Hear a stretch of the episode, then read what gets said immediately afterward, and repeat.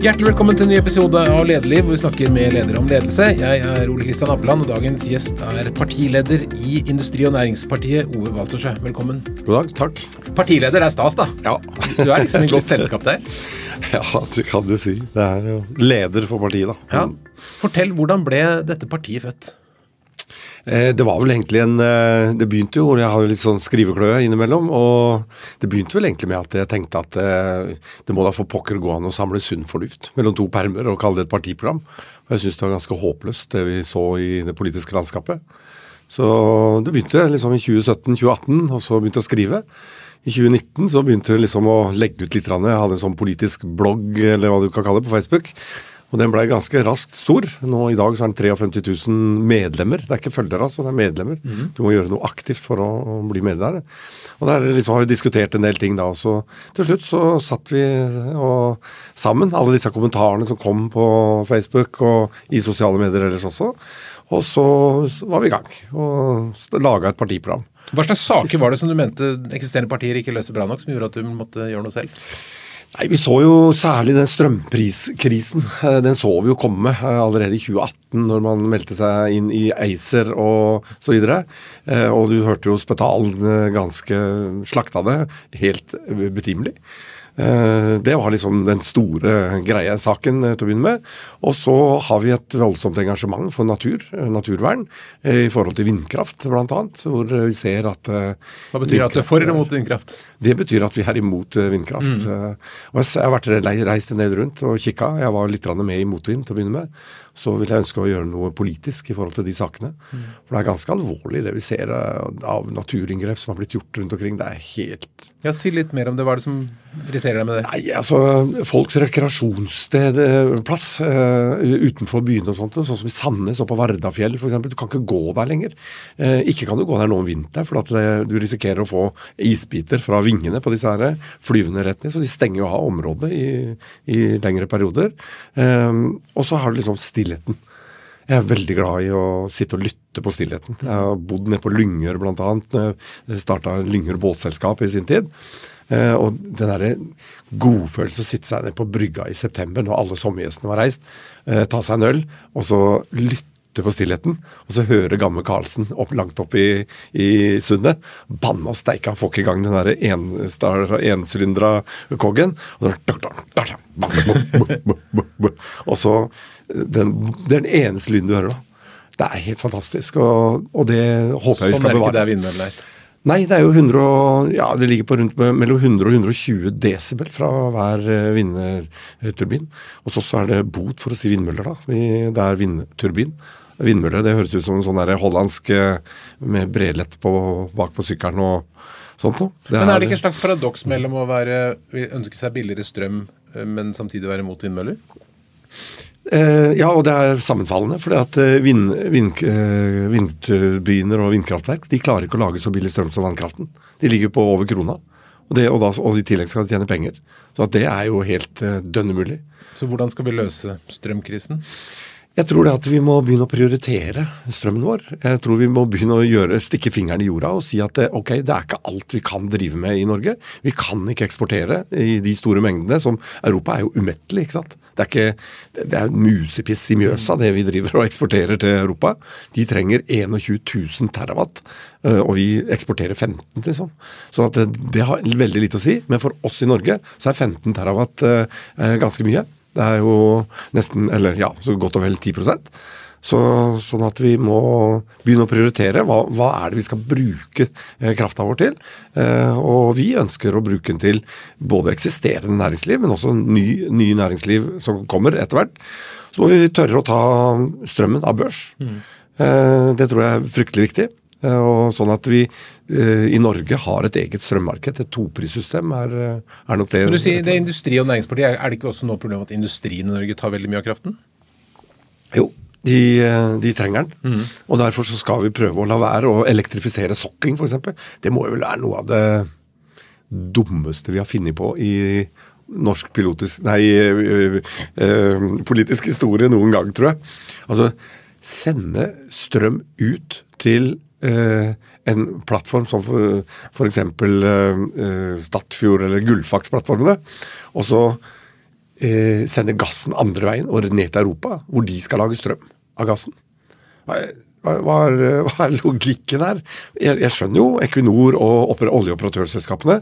Eh, de får jo en helsikes eh, CO2-regning. Mm. Så jeg skjønner jo de. Eh, de skjønner jeg veldig godt, for de er jo en business. Men det har jo ingen verdens ting med klima globalt sett.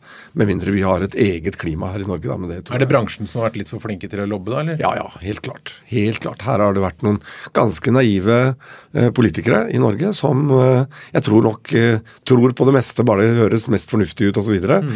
Husk på at på Stortinget så har vi litt for mange politikere som aldri har vært ute i arbeidslivet. De har vokst opp i egen organisasjonsboble og aldri drevet for seg sjøl.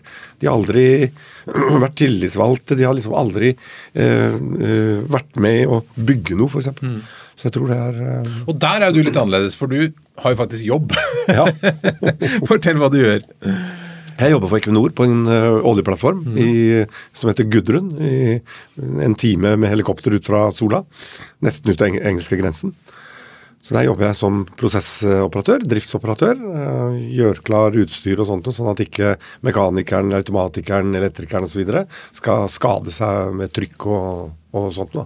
Gjøre det trykkløst og passe på at eh, drifta går, og se etter lekkasjer og mm. litt sånt. Og Det betyr at du har en skiftordning? Ja. Jeg jobber 14 dager, og så er det fire uker eh, fri. Og da jobber du inn de timene. Det må jeg presisere. Du jobber 168 eh, timer eh, mm. på, i løpet av de 14 dagene. Ganske... Jeg klarer ikke å regne i hodet. Blir det lite søvn, eller? Nei da, det blir 12 timer. Men så jobber vi en del overtid òg, så det mm. blir jo ofte 16 timers dager i de 14 dagene. Og så ofte så står det igjen en ukes tid også, hvis det er sykdom og sånt. Så, mm. og, og, tidligere så har du gjort mange andre ting. Du har startet selskaper også? Ja. Jeg var med og vi har, jeg har hatt et selskap oppe på Ryen her som eh, var med arbeidsklær. Jeg har hatt et selskap med, med båtselskap. Jeg, lov, jeg, er jo båtentusiast så det holder. Jeg seiler jo veldig mye. Eh, og så i 92 så vinner eh, Lyngør en pris som heter Europas peneste og best bevarte tettsted. Eh, og jeg reiste ned dit. Da hadde jeg akkurat vært ferdig Da var jeg akkurat ferdig med ingeniørutdanninga mi, og så fikk jeg ikke jobb på Hydro. Så da dro vi ned dit, og så dro vi i gang Lyngør båtselskap. Uh, Tolv årsverk etter hvert. Hva slags, hva slags selskap var det? Ja, vi, hadde to, nei, vi hadde tre taxibåter mm. og to ja, store ferjer. Det var ja. på Østlandet. da. Det er ikke noe imot uh, ferjene på Vestlandet, men uh, ja, det var sånn derre Det var kjempemoro. Tjente jo ikke penger, da. Akkurat noe Nei, men så Du er noe så sjelden. Altså, nå, nå er det enkelte, da, du er sånn som Vedum som driver gård og sånn, men, men unnta, det er jo unntaksvis de fleste, det er de færreste av politilederne som har eh, startet virksomheter og som faktisk er i fullt arbeid. da. Mm. Så det, Hvilken styrke tenker du det gir deg som partileder? Jeg tror det at øh, jeg tror jeg vil ta med meg de, erfaringene eh, inn og gjøre noe med byråkratiet som jeg selv har opplevd. Altså det å ha skoa på jeg tror jeg er fryktelig viktig. Hos oss i, Industri- og Næringspartiet så er vi faktisk det eneste partiet i Norge som du må ha fem års uh, arbeidslivserfaring for å kunne stille på stortingsvalglistene våre. Ok. er, det, er, det, lov å stille sånne krav? Ja, er? Jeg har aldri hørt noe annet. Så vi får ha det til, vi, til noen Så det blir ikke noen broilerfabrikk dette her? Nei.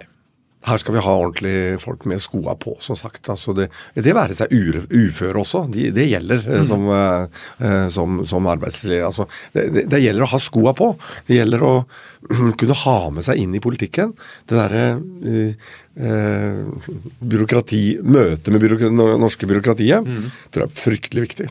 Hva tenker du at de har mistet, de som ikke har vært i arbeid eller hatt skoa på, som du sier? Nei, jeg tror de mister, du mister veldig mye det der livet du sitter i kaffebaren du sitter i, eh, og prater med sjefen din, eller du sitter og prater med, med eieren, eller du sitter og prater med hverandre om, om hvor skoa trykker den, mm. og så oppdager du det at det er kanskje noen offentlige regler, det er et eller annet rammevilkår. Mm. Tenk om vi hadde hatt de og de rammevilkåra, ikke sant. Eh, så kunne vi ha gjort det helt annerledes, da.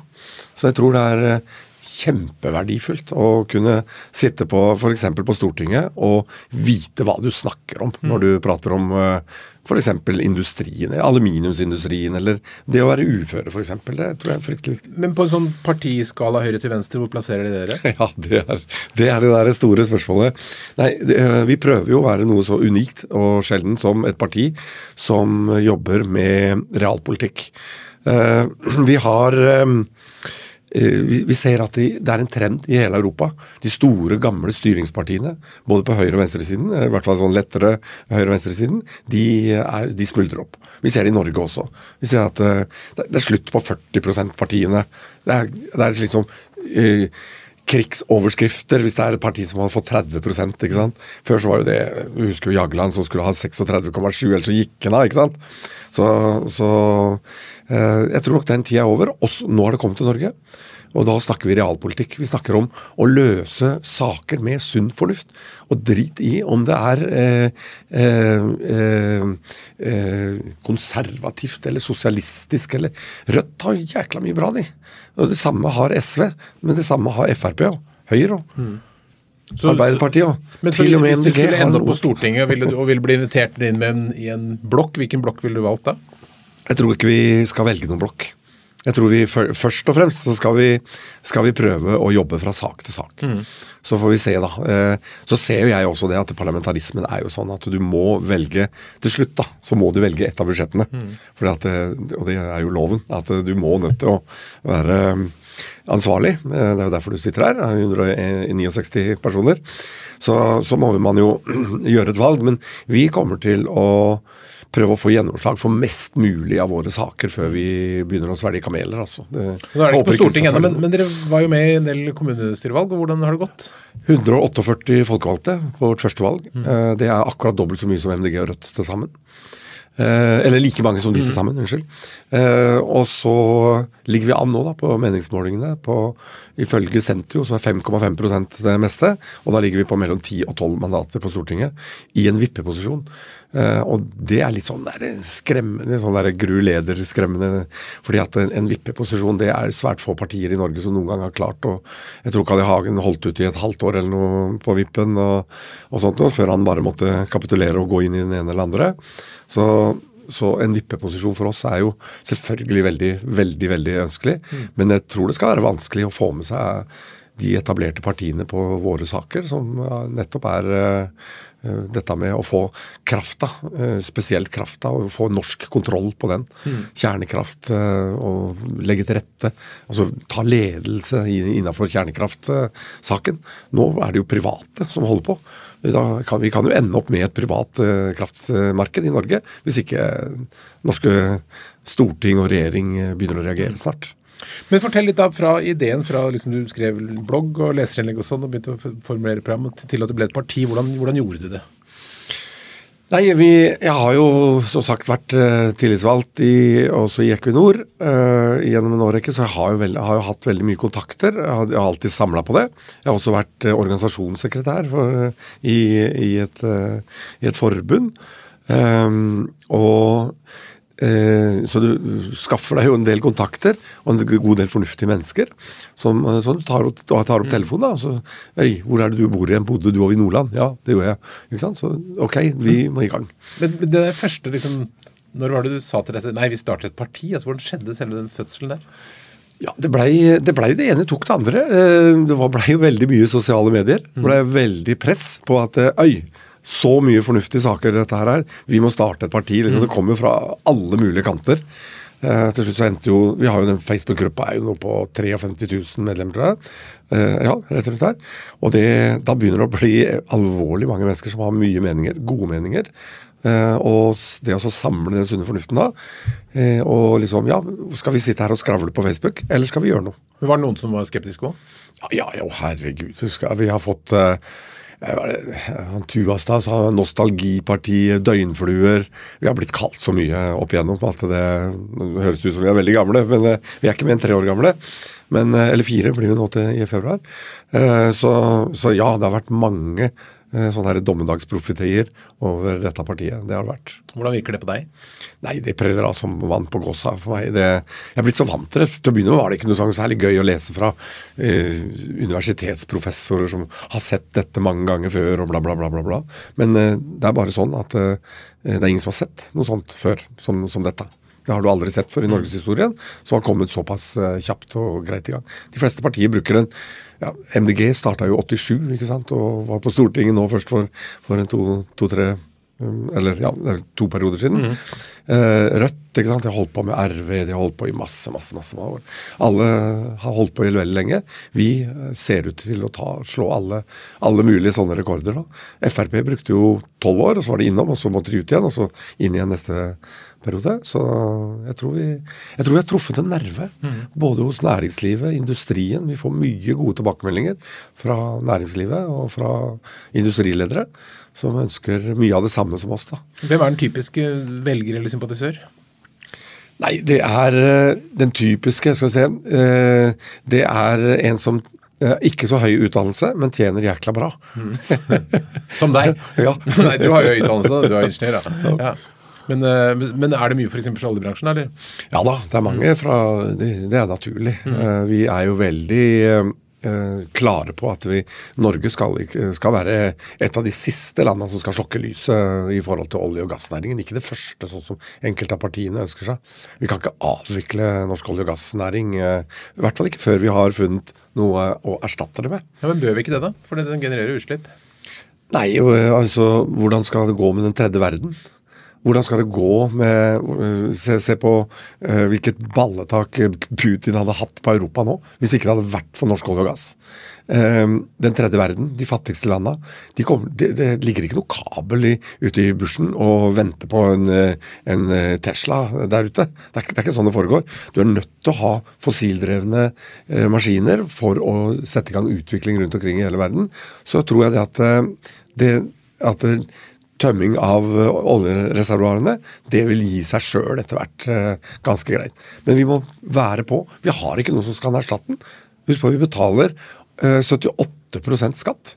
Finn en annen næring som, eh, som tjener eh, Som betaler inn liksom over halvparten av statsbudsjettet, pluss har 78% skatt. Det tror jeg skal godt gjøres. Men mm, det er jo nettopp kanskje dette, dette omdømmet dere har fått, da. At dere oppfattes som litt sånn klimaskeptikere nærmest, at de gir litt faen og bare Ja. pumper olje. Ja. jeg skjønner, og det skjønner jeg jo godt, da. For at eh, det, det er liksom ikke lov å mene noe annet enn en mainstream.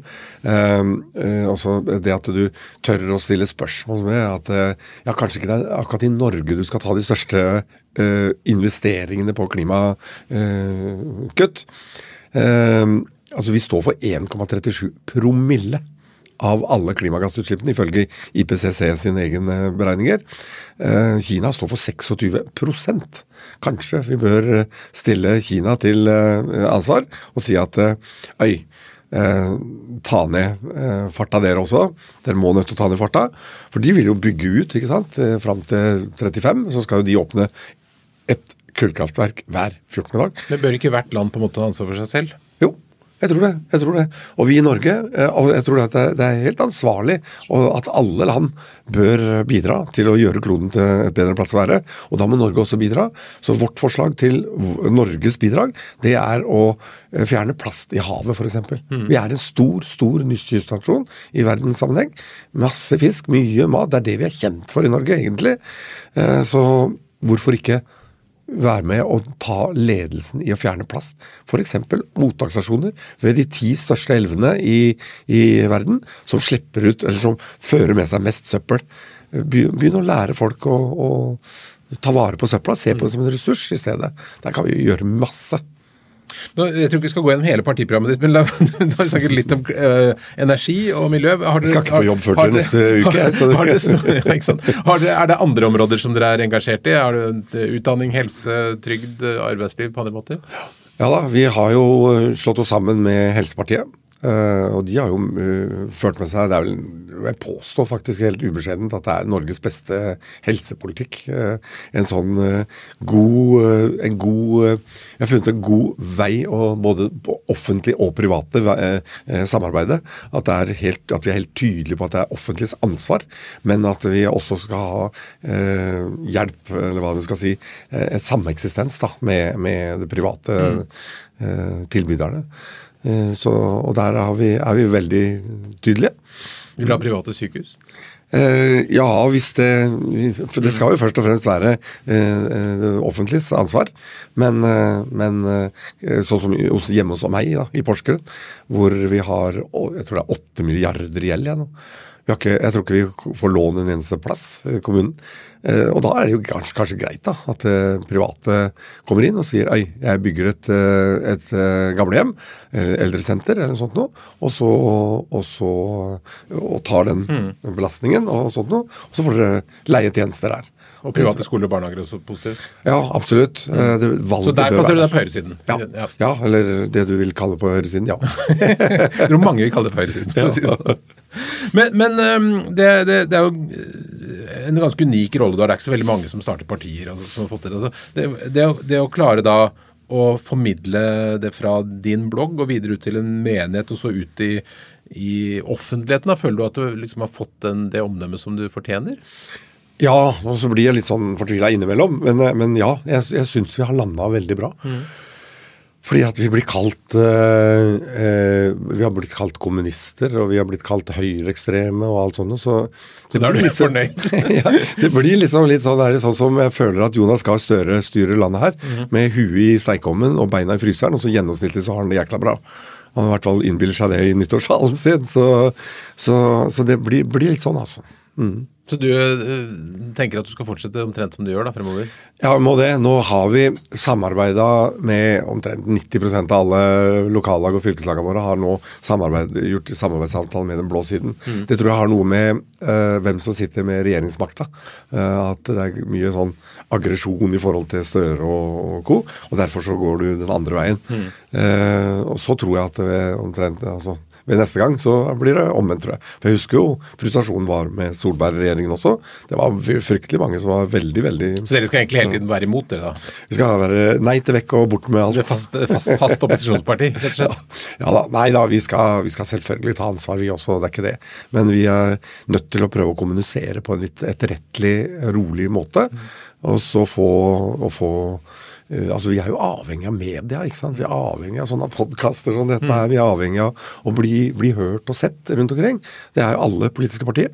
Sånn at eh, det å gå sånn som f.eks. Norgesdemokratene, som liksom klager på mainstream media hele tiden og sånt noe, det, det, ja, det hører du aldri vi gjøre, da, i hvert fall ikke fra sentralt. Så, så det er sånn det er. Mm. Eh, Hvordan tenker du at du liksom har lyst til å være og bli oppfattet som partileder?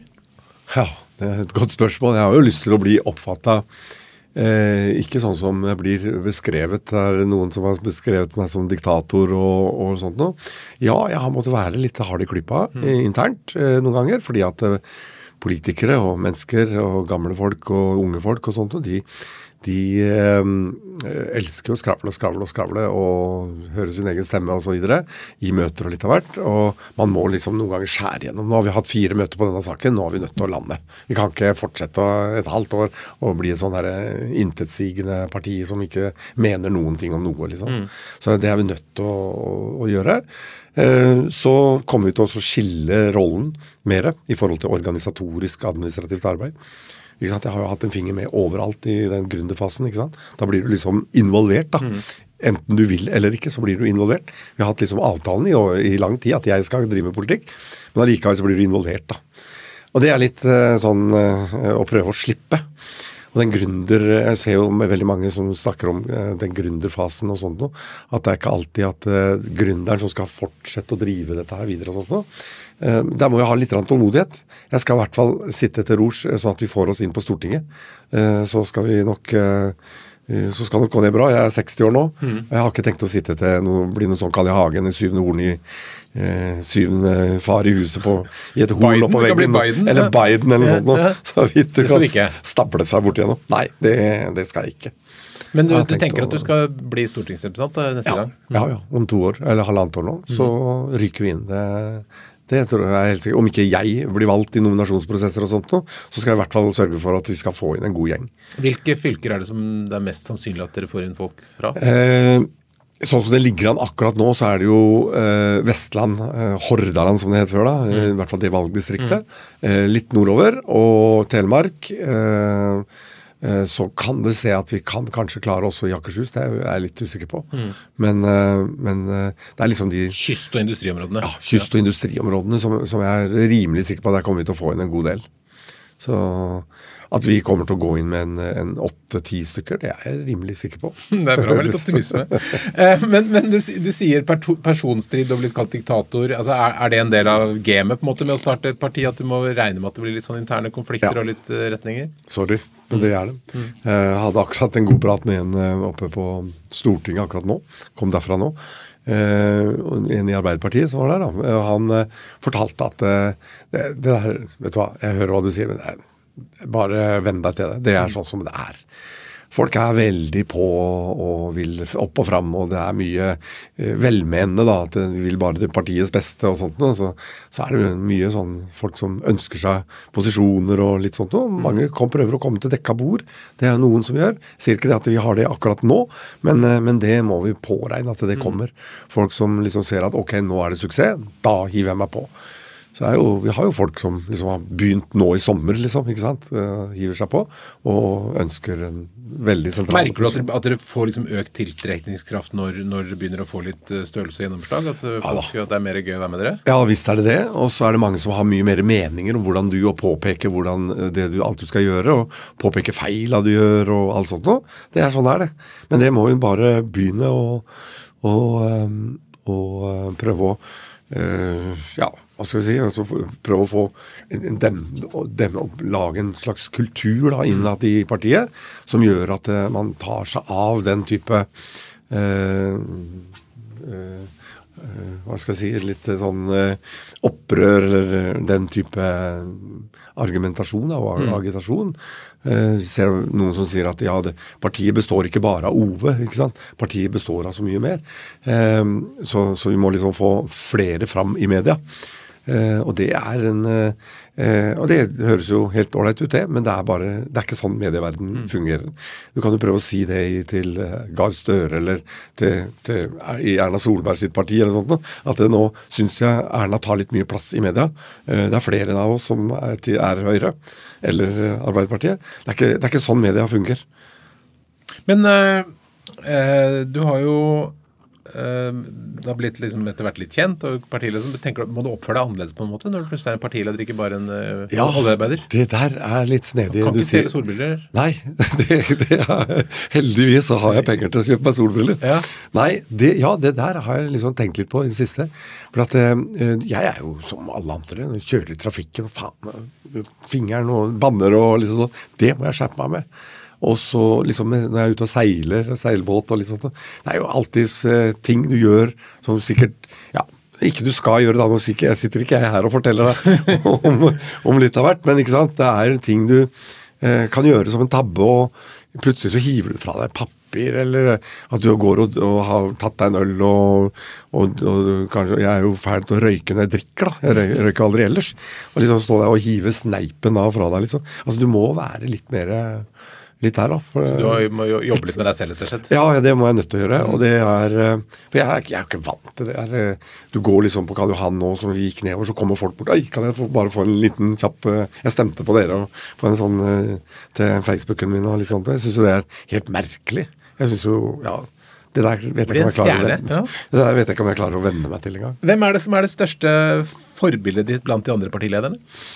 Eller har du et forbilde? Eh, jeg har ikke noen sånne store forbilder men jeg må si jeg er i hvert fall imponert da, over det Erna, eh, den eh, energien Erna har lagt ned i, i både valgkamp og i mellomvalgår osv. Um, altså med alle de reisedøgna.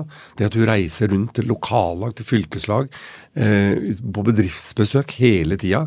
Det er jo ikke noe rart at uh, gubben sitter og kjeder seg og kjøper aksjer.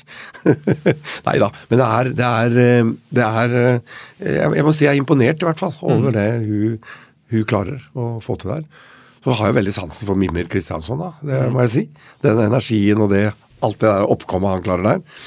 Og Trond Giske syns jeg også er en, en, en Jeg har akkurat lest boka hans. Det er verdt å kjempe for. Den syns jeg er veldig god. Men er du forberedt på å liksom kunne møte disse folka i partilederdebatt om neste år, da? Må bare prøve å Det er, det er noe heldigvis, eh, eller uheldigvis eh, sånn, at eh, vi blir ikke invitert til partilederdebatter. Eh, NRK har jo, de driver jo gjenvalgkamp og ikke valgkamp. I sine, så, men kanskje ikke de kommer unna denne gangen, da, i og med at vi er blitt et såpass stort og kjent parti. Eh, så kan det godt være at vi allikevel blir invitert hvert fall til en og annen, da. Vil du følt deg komfortabel å gå i debatt med disse Når store? jeg ser, når jeg ser åssen Solvang kjører disse her, sånt, så har jeg tenkt mitt eh, noen ganger. altså det, det Fy flate, altså. Det er, det er ikke bare bare hele tida oppfølging, oppfølging og oppfølgingsspørsmål.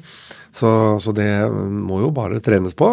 Men øh, eh, jeg prøver å være sånn som jeg er, da. Så er det noe jeg ikke kan svare på, så får jeg bare si det. Så det, jeg vet at det kan falle begge veier ut. Jeg sa jo rett ut på, på debatten, eh, den siste debatten vi var på, rett etter valget, eh, at, eh, for da fikk jeg spørsmål om hvor mye kosta det kollektivet. For vi ønsker jo gratis kollektiv eh, i Norge. Hva koster det? Det hadde jeg aldri regna på. det. Men det fant jeg ut etterpå. da, Kontakta Transportøkonomisk institutt også. Det er ingen som har regna på det. Og det er ingen som kan regne på det heller, for det er så mange faktorer der. Det er liksom, Skal du ta med Hva skal du ta med? Skal du ta med de private, eller skal du bare ta de offentlige? Skal du, så, så, men det, det er sånn du lærer etter hvert, da. Gjør du noe for å skolere deg selv? Ja, jeg prøver. prøver å, liksom, jeg har jo noen venner da, som eh, er gode på å stille en sånne gode spørsmål. Så vi sitter jo ofte og, og gjør litt, men, men det er ikke Det er mengdetrening egentlig som, som gjelder. Mange politikere, eller mange menneskers politiske bakgrunn blir jo preget av oppvekst og hvor man kommer fra og, og røtter osv. Fortell litt om din barndom og oppvekst. Ja, jeg skjønner du har gjort leksa di. Eh, ja, eh, det er klart at eh, når jeg starter partiet, eh, så er det ett formål. Eh, og det er å avskaffe fattigdom og utenforskap. Det har kommet litt i skyggen. Det har kommet litt i skyggen har jeg følelse av. Ja. men, men snakk om det nå. Ja, nei, altså eh, Det å avskaffe fattigdom og, eh, og utenforskap i Norge, det bør være en lett match, egentlig. Vi er verdens rikeste land, og vi bør ikke eh, tillate at vi har matkøer. Så det er forferdelig trist å se når eh, Stoltenberg sier at det er Nav sitt eh, problem, at det, er, at det er matkø, eller Tonje Brenna som mener at de, de bruker De som står der, de bruker penga på masse annet i stedet. På, enten det er på fylla eller et eller annet sånt noe. Det er liksom sånn der, eh, veldig skremmende holdning, i hvert fall fra den siden der. Hadde det kommet fra Frp eller noe sånt, så hadde du liksom ikke reagert så mye. Men eh, jeg reagerer ganske kraftig. Men når du sånn. svarer som du gjør, så det- indikerer du at du har, vært, du har opplevd en litt trang barndom Ja da, ja da. Det har jeg gjort. Jeg hadde en eh, Vi vokste opp her i Oslo til jeg var åtte år. Og så døde min kjødelige far. Eh, og vi, min mor fant seg en eh, Den gangen var jo på, var jo på tidlig 70-tall, dette her. Så hun fant seg en, ny mann, en stefar, ganske kjapt. Eh, som var en sånn eh, død, altså, jeg skal ikke bruke så mange stygge ord. eh, så, men men eh, det var svært komplisert, da, for å si det med gode diplomatiske ord. Og heller ikke noe som folk kunne ansette eller hadde i arbeid. da. Eh, sånn at vi levde jo veldig ofte, og mora mi jobba jo ikke, ikke sant? det var ikke vanlig. Eh, og han på da på stort sett. Så vi var jo avhengig av den hundrelappen som bestemor sendte eh, ganske ofte. Og klærne vi gikk i, ikke sant, og alt mulig sånt. Så det, jeg har opplevd det å gå og legge seg sulten, ikke sant. Stjele mat hjemme, ikke sant. Du lister deg inn på kjøkkenet og opp i brødboksen og knekker av skalken og, og tar med deg liksom ned under dyna og spiser for å rett og slett være noenlunde. Du har søsken? var- har tre søsken. Eller hadde. Hadde tre. Min eldste bror er død, da. Så Nei, det, det har jeg opplevd, og jeg veit hvordan det er. Den der, hvor flaut det er å være på skolen og ikke ha med deg matpakke, ikke ha råd til yoghurt, ikke ha råd til melk. Se, det kosta bare noen 25 øre, eller hva pokker det kosta den gangen. Så bare, bare alle de tinga der sånn. Klærne liksom som alle kom med. Etter hvert dunjakker, og det kom med olajakker med gasolin på. Det var jo, alle hadde jo sånne ting. Og det at du ikke du kunne være med på alt dette her. Eh, Så jeg har kjent på veldig mye av akkurat det der da.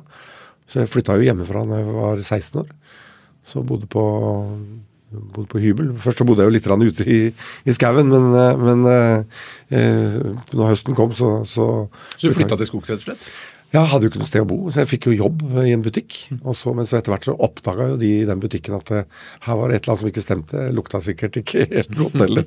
Så, så det Nei. Det er en uvanlig bakgrunn. Ja, jeg vet ikke hvor uvanlig det var på, på begynnelsen av 80-tallet, men, eh, men, ja, det var kanskje det. Jeg tenkte aldri noe særlig over det. liksom. Det var, jeg fikk meg hybel, og, øh, og levde jo bra på hybelen. Hadde jo, fikk jo penger nok til å betale husleia og litt mat. Og, så, og sånn har det gått seg av slag. Så begynte jeg å jobbe i industrien etter hvert og tjente mer. og så etter hvert så spanderte faktisk Elkem ingeniørhøgskolen på meg. Så det var jo veldig bra. Så du har mye å takke industrien for, egentlig? Masse. Masse, masse, masse. Hvordan påvirker den bakgrunnen deg i dag og, og politikken din? Det er klart at det ligger i, i, i bånn. Eh, det å avskaffe fattigdom og utenforskap.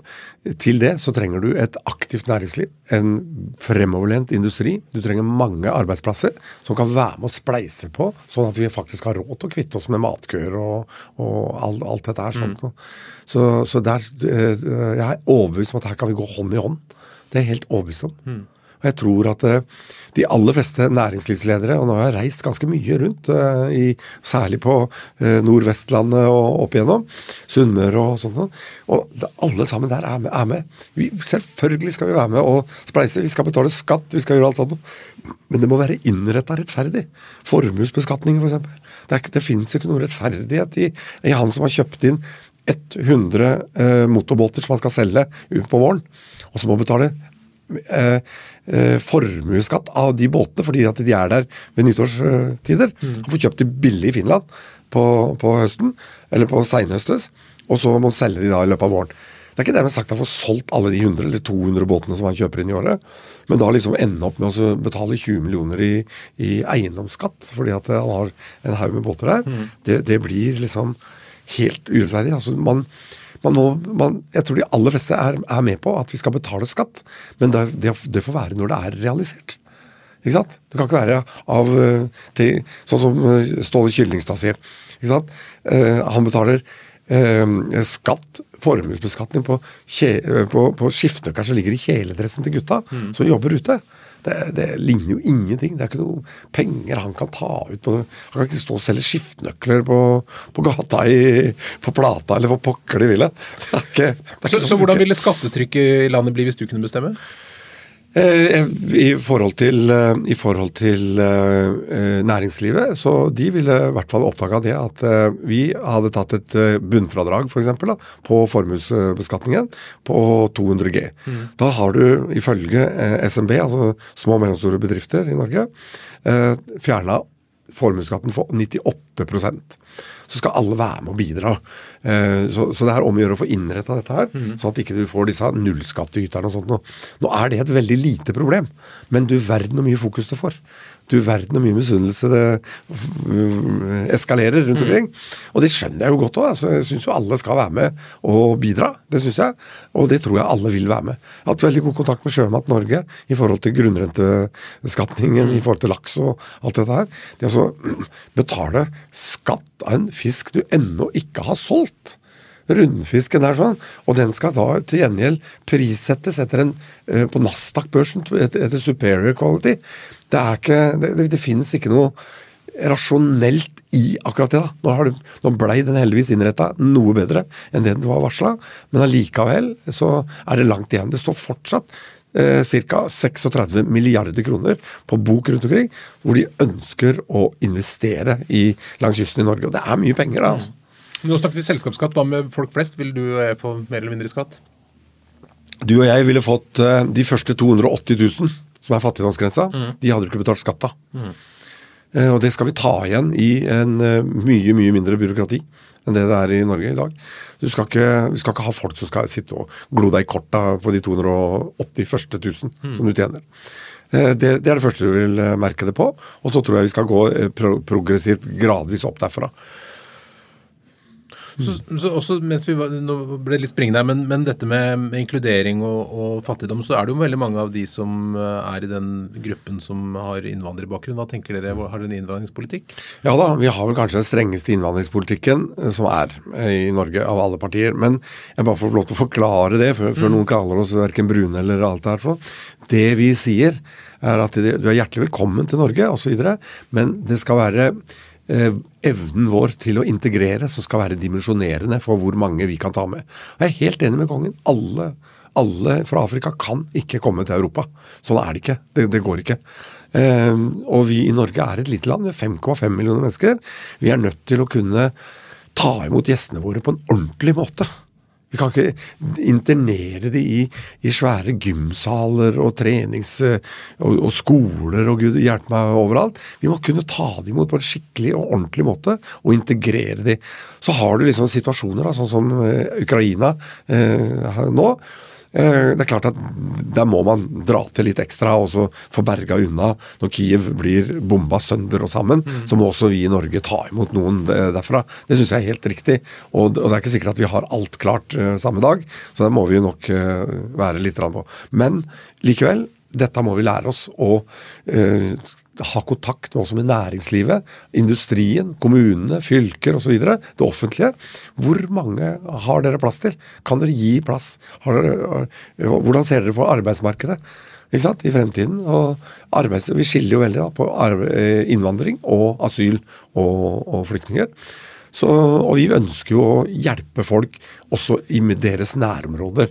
Eh, det at eh, nabolandet til Uganda f.eks., så, så leier vi et stor, større område der. Lager skoler, eh, sykehus, eh, setter inn militære. Vi har masse militære krefter i Norge som ikke får trening. Så ordentlig eh, skarpe oppdrag.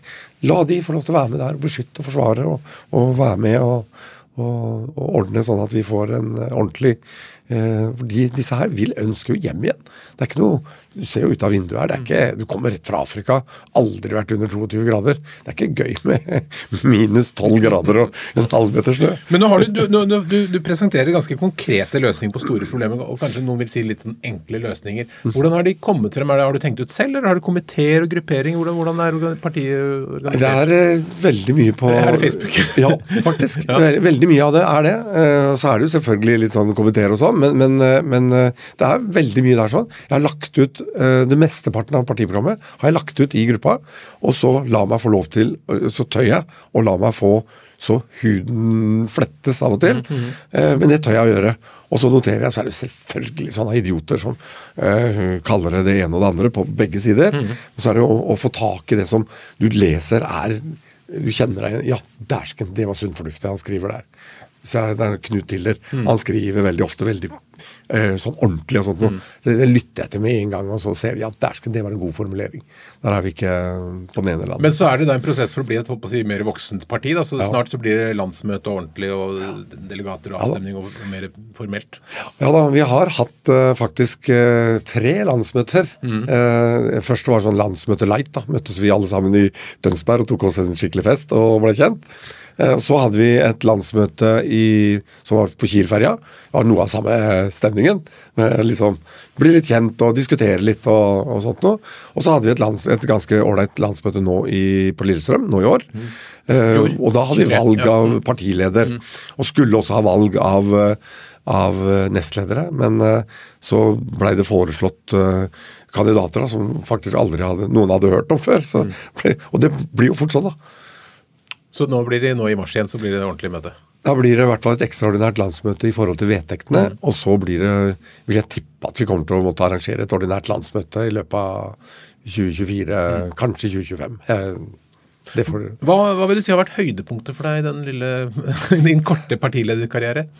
Nei, Det er så mange ting, men, men jeg syns det, det der at vi i år at vi bryter gjennom, også i media eh, alle sammen um, Tidligere så satt du jo omtrent og ringte og grein på telefonen til VG-journalisten. Nå må du nesten 'Jeg har ikke tid', så legge på igjen. Det, det har liksom vært en sånn Det syns jeg har vært litt uh, faktisk litt uh, fornøyelig, eller uh, hva skal jeg si. Så, men nei, høydepunktet har vært å se også at vi nå runda Eller nesten runda, så irriterende. 14 000 medlemmer. Det ble 13, på nyttårsaften nå 13 984.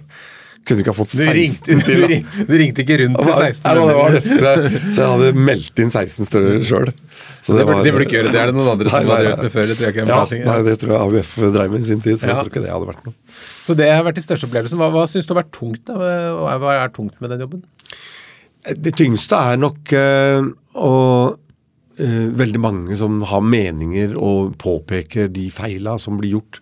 Ikke nødvendigvis av meg, men eh, også av mine nærmeste eh, medarbeidere. da, eh, de, Begge de to nestlederne, som jeg er fryktelig, fryktelig glad i. Eh, og, og se hvordan de får kjeft for sine eh, manglende organisatoriske evner og alt det der greiene der, det syns jeg er litt eh, tungt å, å se eh, og høre. Fordi at eh, vi jobber alle sammen eh, etter arbeidstid. Vi har familie, vi har barn, vi har barnebarn. Eh, vi har hunder og katter, og det er, eh, det er liksom, vi er helt normale mennesker. Og så driver et parti på fritida ved siden av. Det er ganske, det er ganske tungt. Det, det syns jeg er litt tungt, da. At ikke, du, at ikke i hvert fall de får den anerkjennelsen som det de egentlig burde få, da. Det er en del mennesker som ikke tør å engasjere seg i politikk fordi det er så røft og man får Ja. så mye tyn. Det Forstår det skjønner det? jeg veldig godt. Jeg hadde ikke forståelse for dette her. Jeg hadde ikke starta dette her hadde jeg visst hva jeg gikk til. Det kan jeg si. Men jeg er veldig glad jeg har gjort det likevel. For eh, jeg tror det herder deg litt. Og så tror jeg det at du Ja, eh, du må liksom lære deg å få noen sånne teknikker, da. For at det går jo det er jo ikke bare en dans på roser eller en søndagsskole, det å drive i politikken i hvert fall. Det er veldig annerledes enn å drive en bedrift. For at som bedriftseier så kan du ringe til daglig leder og be en dra til en viss plass. Eller til avdelingslederen, eller til den ansatt som ikke gjør jobben sin. Det kan du gjøre. Men her har vi tillitsvalgte. Alle jobber på fritida. Du, har, du kan liksom ikke bare ringe og si eh, morna. Men jeg har måttet gjort det òg. Det har vært veldig tungt. Det har vært en to-tre ganger som jeg måtte ringe til, til fylkesledere og litt sånt. Så eh, sorry. Tusen takk for eh, innsatsen, men dette passer ikke rett og slett ikke for, for, for deg eller for meg. Dette går ikke. Vi kan ikke ha det sånn, mm. sånn det, da. Hva tenker du er det viktigste du har lært i disse partilederårene? Eh, nei, det viktigste jeg har lært, det er vel å kanskje se at eh, det å være seg sjøl er ikke alltid det du skal være. Eh, det, er, det er faktisk ikke det. det alle sier det. Det blir sånn floskel. Vær deg sjøl. Mm. det kan godt være at jeg er en grusom person eh, og, ikke, og, og ikke er tålbar. Men eh, for jeg, jeg, hadde jo aldri gifta meg med meg sjøl. Det er garantert. Det, det veit jeg. Jeg er ikke tålbar i det hele tatt. Så det å være seg sjøl er ikke alltid Det, det, det blir en floskel oppå meg. for at du har også et ansvar for hvordan du skal oppføre deg overfor andre. Og hvordan du må prøve å være mer strukturert enn det du egentlig er, da. Det er noe som heter å være den beste utgaven av seg selv? Er det det du Ja, prøver på, kanskje? ja, ja, ja, jeg hører eh, du har sett på Lauritzen og kompani, du òg. Ja, det er jo kanskje litt sånn eh, å prøve å, prøve å, å balansere dette her, da. Mm. Helt til slutt, eh, hvis det kommer en person til deg som har lyst til å bli leder, kanskje være om lede et fylkeslag eller bli en leder i partiet, hva er de tre viktigste lederrådene du vil gi? Nei, vi har måttet ta imot eh, eh, det som kommer eh, flyvende. Uh, Fram til nå, i hvert fall. Så er det ikke sånn at det er jeg som bestemmer det lenger. Eh, det var sånn før. Eh, og da måtte jeg jo bare ta imot uh, Kreti og Pletti. Men Hvis du skal gi tre gode råd om ledelse, hva vil det være? Nei, det må jo være å altså, Som sagt, politikk og næringsliv det skiller seg veldig veldig ut fra hverandre. Men det å ta en ordentlig god bakgrunnssjekk, det kommer jeg nok til å prøve. Jeg, jeg veit jo ikke hvordan man gjør det. Jeg har jo ikke noen, det er jo ikke noen app som du kan bare slå opp det navnet og skrive Apeland, og så dukker han opp med eh, liksom sine gode og mørke sider. Så, så det, er, det er fryktelig vanskelig. Jeg, det jeg har lært meg, er at jeg, jeg, er ingen god menneskekjenner lenger. Jeg trodde det selv, jeg innbilte meg sjøl at eh, Ja, jeg merker jo at det er ordentlig. Men eh, når du skal dele makt og penger, da kjenner du ikke broren din eller mora di engang. Altså. Det kan jeg love deg. Men hvis det kommer en som skal bli leder, da, hva vil du si? Hør disse rådene og bli en god fylkesleder i partiet. Hva ville du sagt da var de rådene du ville gi? Det tror jeg ville være å ikke lytte så veldig mye til, eh, til bedre besserwissere. Mm. særlig gamle menn i 65 pluss osv. De holder langt unna, for de kan alt mulig og mye bedre enn alle andre. Eh, det tror jeg er det beste rådet jeg kan gi. altså. Og så to til. Skal få tre råd, er det regelen? To råd til. Hold deg unna å stjele solbriller. Ja. og ikke fisk og ikke ost. Nei da. Um, nei, jeg vil si at du eh, prøver å være en, eh, en inkluderende person. Og så eh, lytt til flere sider av, av saken. Det er litt sånn, Vær litt buddhist, og så tenk at alle saker har minimum tre sider. Det er din, det er min, og så er det den rette. Fin avslutning. Hjertelig takk for at du kom til Lederliv. Ja, i like måte. Tusen takk for at jeg fikk komme her.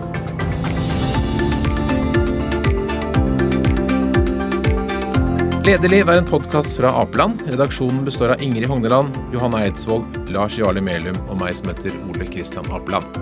Og du er hjertelig velkommen til å sende ros, ris, tips om ledere eller hva du måtte ønske til oleatapeland.no. Takk for at du lytter.